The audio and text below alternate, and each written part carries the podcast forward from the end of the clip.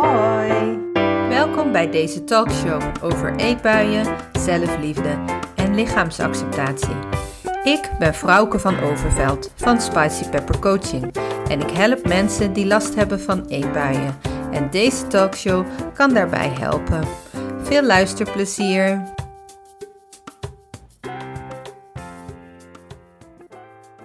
Hey, de afgelopen week had ik een coachingsgesprek met een van mijn klanten dat mij inspireerde om deze podcast te maken. En voor het gesprek gaf ze aan dat ze verstandelijk rationeel heel goed weet dat ze eetregels los moet laten, moet stoppen met diëten, eten niet meer hoeft te labelen in goed en fout of gezond en ongezond. En dat ze zichzelf toe mag staan om alles te mogen eten. Niet te moeten eten, maar te mogen eten. En toch, zei ze, heb ik zoveel angst om dikker te worden, om aan te komen. En ik ben zo bang dat dat misgaat. En dit is, als je de podcast over zelfsabotage hebt gehoord, hè, dit is precies, uh, dit is zelfsabotage. Hè? Dit is je, je reptiele brein en je, uh, je innerlijke saboteur of je diep gewortelde overtuigingen die angst gaan zaaien ja, zodat ze je tegenhouden. Want je weet het wel, je weet precies hoe het zit, maar je doet het niet. En nu kun je op zo'n moment jezelf afvragen: waar komt die angst vandaan? Dan kom je vaak uit hè, bij die diep gewortelde, niet helpende overtuigingen. En die kun je dan in de kern aan gaan pakken, uh, zodat die je in de toekomst ook niet meer tegen kan houden, zodat je ook geen angst meer hoeft te hebben. Maar je kunt het ook op een wat uh, minder diep niveau aanvliegen. En um, dat heb ik gedaan in het gesprek, omdat je niet altijd, er zit niet altijd waarheid in, in wat je gelooft. En het is soms heel waardevol om te checken of dat je gedachten wel waar zijn, of dat dat de waarheid is. Dus ik begon met de vraag: waarvan denk jij dat je dik wordt? Nou, het eerste antwoord was natuurlijk van eten en dan met name ongezond eten. Oké, en waarvan nog meer? Nou, toen was het volgende antwoord stress. En daar ben ik heel blij om dat ze dat zei. Ze zei: Ik heb nu in de training geleerd dat stress ook een oorzaak is om dikker te worden. Oké, nou, check, afgevinkt. Wat nog meer? Wat kun je nog meer bedenken? Nou ja, toen werd het dus lastiger. Uh, beweging, oh ja, beweging. Uh, te weinig bewegen is ook niet goed voor je lijf. Kan ook bijdragen aan dikker worden. Oké, klopt. Kun je nog meer dingen bedenken? Nou, toen hield het ongeveer een beetje op. En toen vroeg ik aan haar, hè, kun je medische dingen bedenken? Oh ja, medicatie, daar kun je van aankomen. Uh, bepaalde ziektes, daar kun je van aankomen. Um, het kan ook in je genen zitten dat je steeds maar aankomt. Er kan ook een disbalans zijn in je hormonen, bijvoorbeeld, dat je aankomt. Nou, en zo zijn er nog twintig dingen te bedenken waar je allemaal van kunt aankomen. Voor nu is dat eventjes niet relevant. Maar het gaf wel heel mooi aan dat ze heel erg gericht is. En dat geldt voor jou misschien ook, want ik kom dat bij heel veel klanten tegen. Zij is absoluut niet de enige die denkt dat eten het enige ding is waar je dik van wordt. En, en daarom is dat ook het enige ding waar je mee aan de slag gaat als je ontevreden bent over jezelf en af wil vallen. Ja, terwijl dat helemaal niet helpend is. Uh, vandaag wil ik aan je uitleggen wat stress doet met je lijf en met je gewicht en met je relatie tot eten. En ik wil graag beginnen met uit te leggen aan jou dat er twee verschillende soorten stressen zijn. Kijk, stress betekent niks anders dan spanning of druk. En stress is niet per definitie ongezond. Je hebt soms stress nodig om goed te functioneren. Denk maar bijvoorbeeld aan de stress die je kunt voelen voordat je een examen hebt. Die stress maakt adrenaline los in je lijf en daarvan ben je scherper en meer gefocust. Hè? Dus dat is heel functioneel. En die stress die komt voort uit ons reptiele brein. En die is er om te overleven, als het ware. Dat is dezelfde stress wanneer je bijvoorbeeld aangereden wordt of bijna aangereden wordt en je heel snel schrikt en achteruit springt en je hartkloppingen uh, ja, tekeer gaan. Hè, dan komt ook die adrenaline vrij om heel gefocust te zijn en dus ad rem te kunnen reageren. Dus korte stress is, is, is heel erg belangrijk en functioneel in ons leven. En die korte stress, ja, die is eigenlijk best wel gezond. Het zorgt dus voor alertheid en concentratie.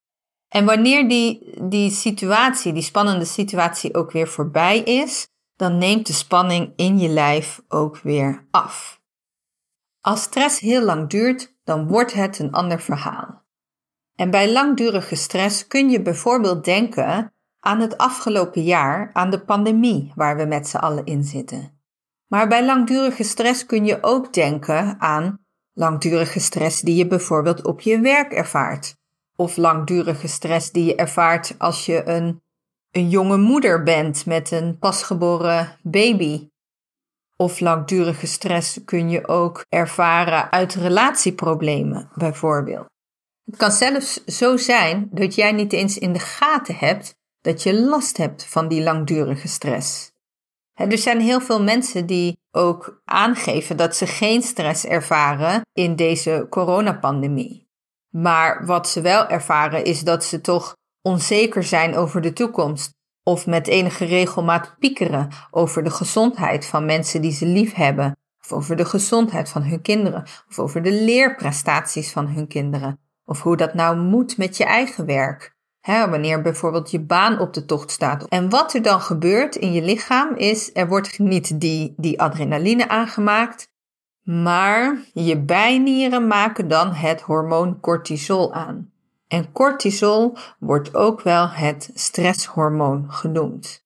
En cortisol zorgt er bijvoorbeeld voor dat er een hongergevoel ontstaat, zodat je extra trek krijgt in eten.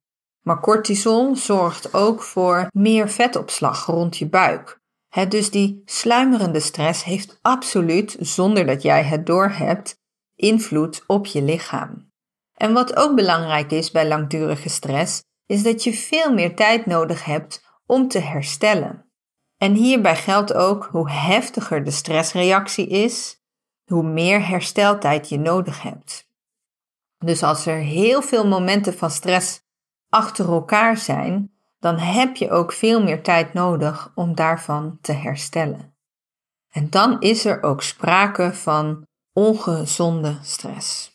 En wanneer het gaat om stress, haal ik altijd het voorbeeld erbij van draagkracht versus draaglast.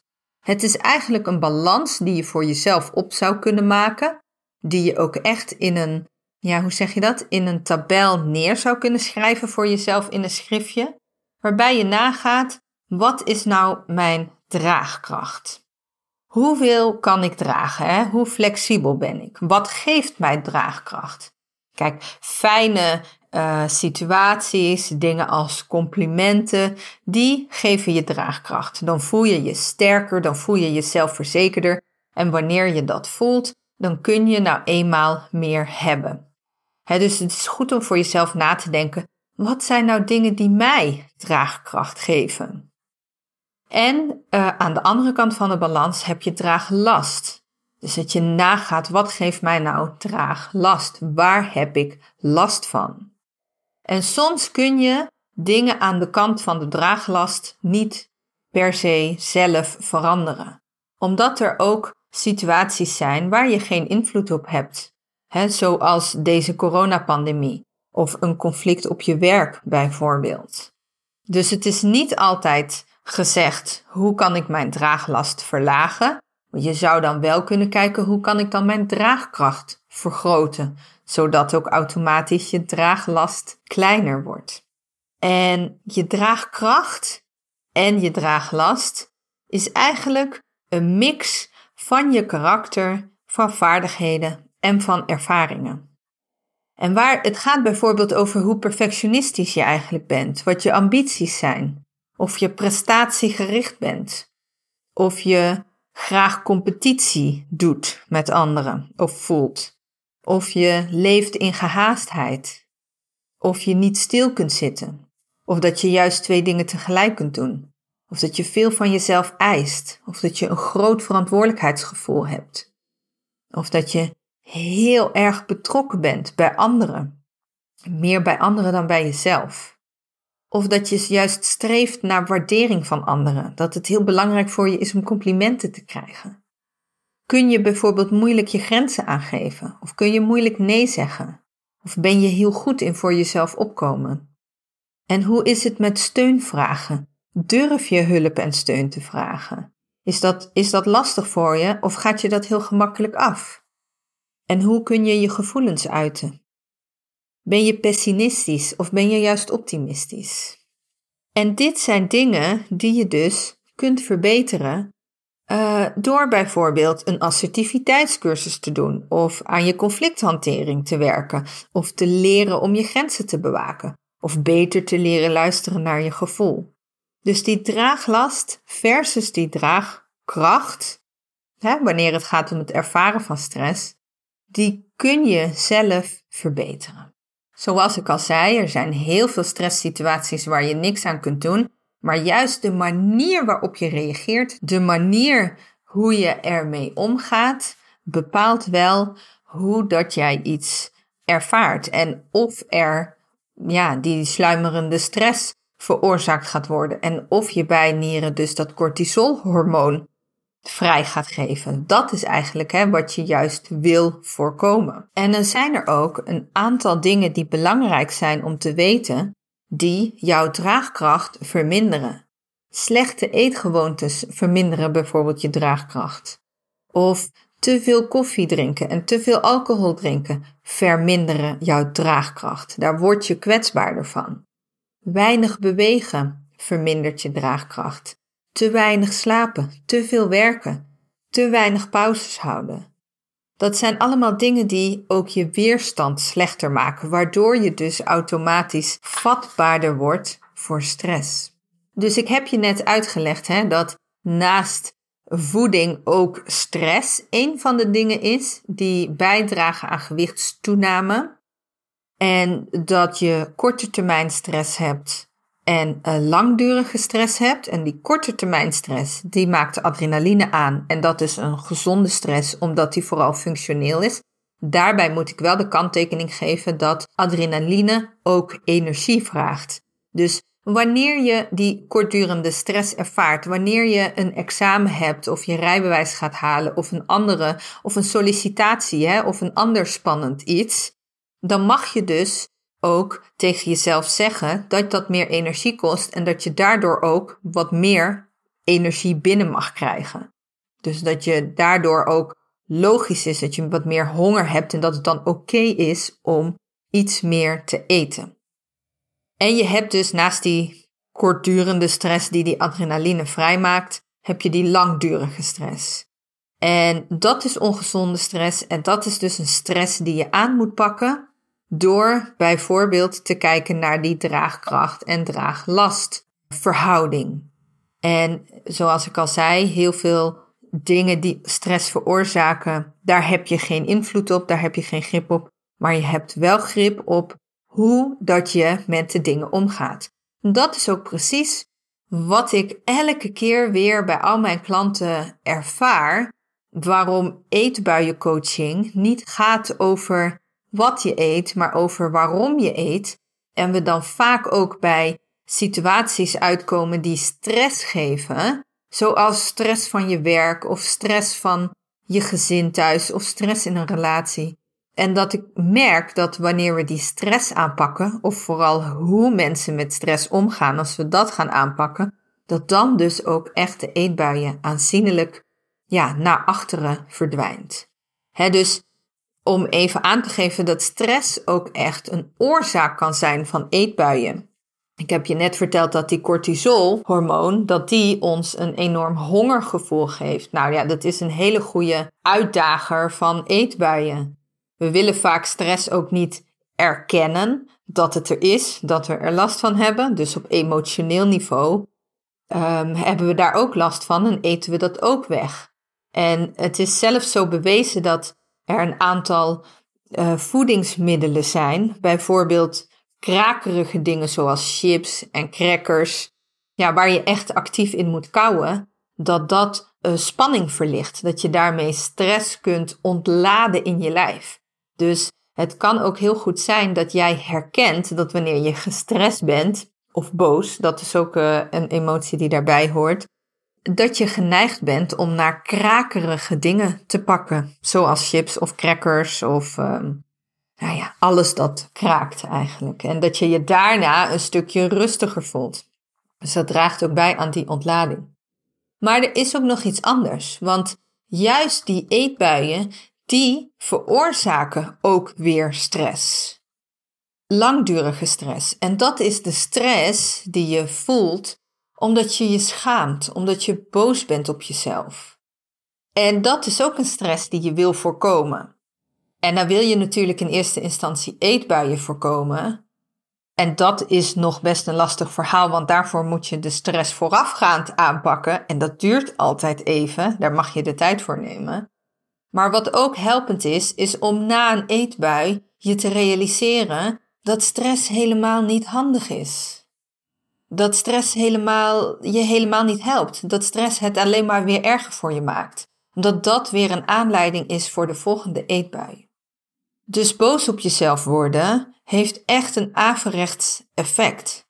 Dus het is ook echt de opdracht aan jezelf om milder te kunnen worden naar jezelf. En dat is al een punt in je visuele cirkel dat je zou kunnen proberen te doorbreken.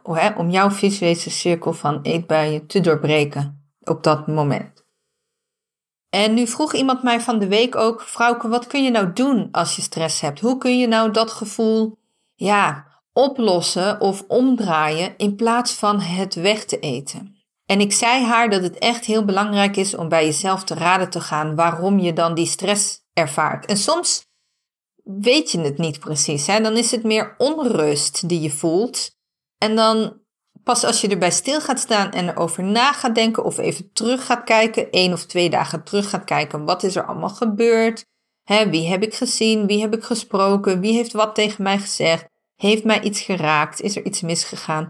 Dat je dan uiteindelijk ja, komt bij het punt dat jou die stress veroorzaakt. Hè? En en is het dan duidelijk wat die stressveroorzaker is? Blijf dan vooral bij jezelf. Kun jij daar iets aan doen? Kun jij daar iets aan veranderen? Is het jouw schuld? En als het niet jouw schuld is, dan mag je ook leren om het los te laten, want je kunt er niks aan veranderen. Je kan niet veranderen wat je niet kunt veranderen. En daarin is het ook heel belangrijk wanneer je die stress ervaart om te blijven ademen om echt even dieper weer te gaan ademen. En dit klinkt misschien als een enorme no-brainer. En natuurlijk adem je, je ademt elke seconde van je dag en het gaat volledig automatisch. Maar wanneer we dus die stress ervaren, worden we ook kortademiger. Dat is ook een van die systemen in ons lijf. Ja, wat gebeurt, wat een reactie daarop is. en, en juist het dieper gaan ademen, Daarmee geef je je hersenen ook weer het actief het signaal dat het mag ontspannen. En het is ook echt wetenschappelijk bewezen dat ademhalingsoefeningen ook echt um, de uitgifte van cortisol weer naar beneden brengt. Dus verdiep je in, in ademhalingsoefeningen of in bodyscans of in mindful-achtige dingen. Doe een yoga-oefening bijvoorbeeld. Dat zijn allemaal dingen die echt en je stress naar beneden kunnen brengen. En daarvoor dus ook kunnen zorgen dat er minder cortisol wordt afgestoten. En ik moet je eerlijk zeggen, nu in januari ben ik gestart met de groepstraining, stap uit de visuele cirkel van eetbuien. Ik start elke bijeenkomst met een ademhalingsoefening, of een meditatieoefening, of een visualisatieoefening. En die duurt soms maar twee of drie minuten maar wel met als doel om weer rustiger in je lichaam te komen en ook ja, om je lichaam dat signaal te geven dat het mag ontspannen en om je cortisol te verlagen. En nu stelde iemand anders mij, ik, dit, dit, dit is ook wat me inspireerde tot deze podcast, want stress was kennelijk een ding afgelopen week. iemand anders stelde mij ook de vraag, stel je nou voor dat je stress hebt of stress hebt gehad. En je hebt de gedachte dat je verdiend hebt om lekkere dingen te eten, omdat je die stress hebt gehad. En natuurlijk vraag je jezelf af: is dat wel handig? Maar de gedachte dat je het verdiend hebt omdat je zo gestrest bent, is zo krachtig. Kan ik dit ombuigen? En mijn antwoord daarop was: stop met jezelf te belonen met eten. Stop met voeding uh, de functie van beloning te geven. Kijk, eten heb je gewoon nodig. Eten heb je nodig om in leven te blijven. Je hoeft eten niet te verdienen. Uh, eten is geen beloning. Eten is een functioneel middel in ons leven. En daarbij is eten, eten is meer dan een functioneel uh, middel, want eten geeft ons ook hè, een fijn gevoel sociaal gezien. Hè. Eten staat vaak centraal in je gezin of, of met feestdagen of nou ja, dat soort. Uh, dus, dus eten mag ook fijn zijn. Maar zodra je het als een beloning gaat zien, ja, dan ga je eigenlijk een verknipte relatie met eten ontwikkelen. Dus stop daarmee. En ja, weet je, je leest vaak tips om jezelf te belonen met andere dingen. Koop een tijdschrift, koop een bosje bloemen. Uh, dat is natuurlijk een goede afleider om jezelf niet met eten te belonen. Maar ik zou zelfs nog dieper willen gaan en dat doe ik ook vaak in mijn coaching. Je hoeft jezelf niet te belonen met iets. Je mag ook gewoon trots op jezelf zijn dat dat een voldoende beloning is. Dat, dat je, als je die blijheid intens kunt voelen, of dat je iets hebt overleefd, of dat je iets hebt doorstaan, dat je daar gewoon met jezelf blij om kunt zijn en trots op jezelf kunt zijn, dat dat voldoende is. Dat de beloning dus echt uit jezelf, diep uit je hart komt. Ja, dus dat is eigenlijk het, het antwoord op hoe kun je nou ombuigen dat wanneer je iets gestrest hebt gehad, dat je dan beloning zou willen. Nou goed. Ik ben heel erg benieuwd of je iets hebt geleerd uit deze podcast over wat stress doet met je lijf hè, met betrekking tot gewichtstoename. En ja, dat stress dus niet alleen een oorzaak is voor eetbuien, maar ook wel echt een gevolg is van eetbuien. Ik hoop dat het je aan het denken heeft gezet. Ik hoop dat jij ook een pen en een papier gaat pakken om voor jezelf eens die draagkracht en draaglastbalans voor jezelf op te maken. En dat je ook kunt ontdekken waar jij nog wel je draagkracht zou kunnen vergroten.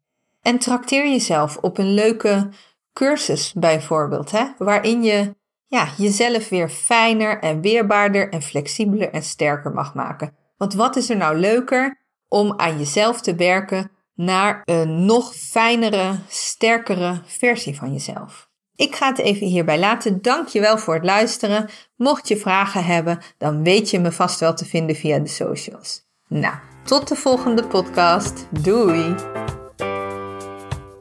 Zo, dat was hem weer. Heb je er iets aan gehad? Laat het me weten door deze talkshow te liken en te delen, zodat meer mensen deze talkshow ook kunnen ontdekken.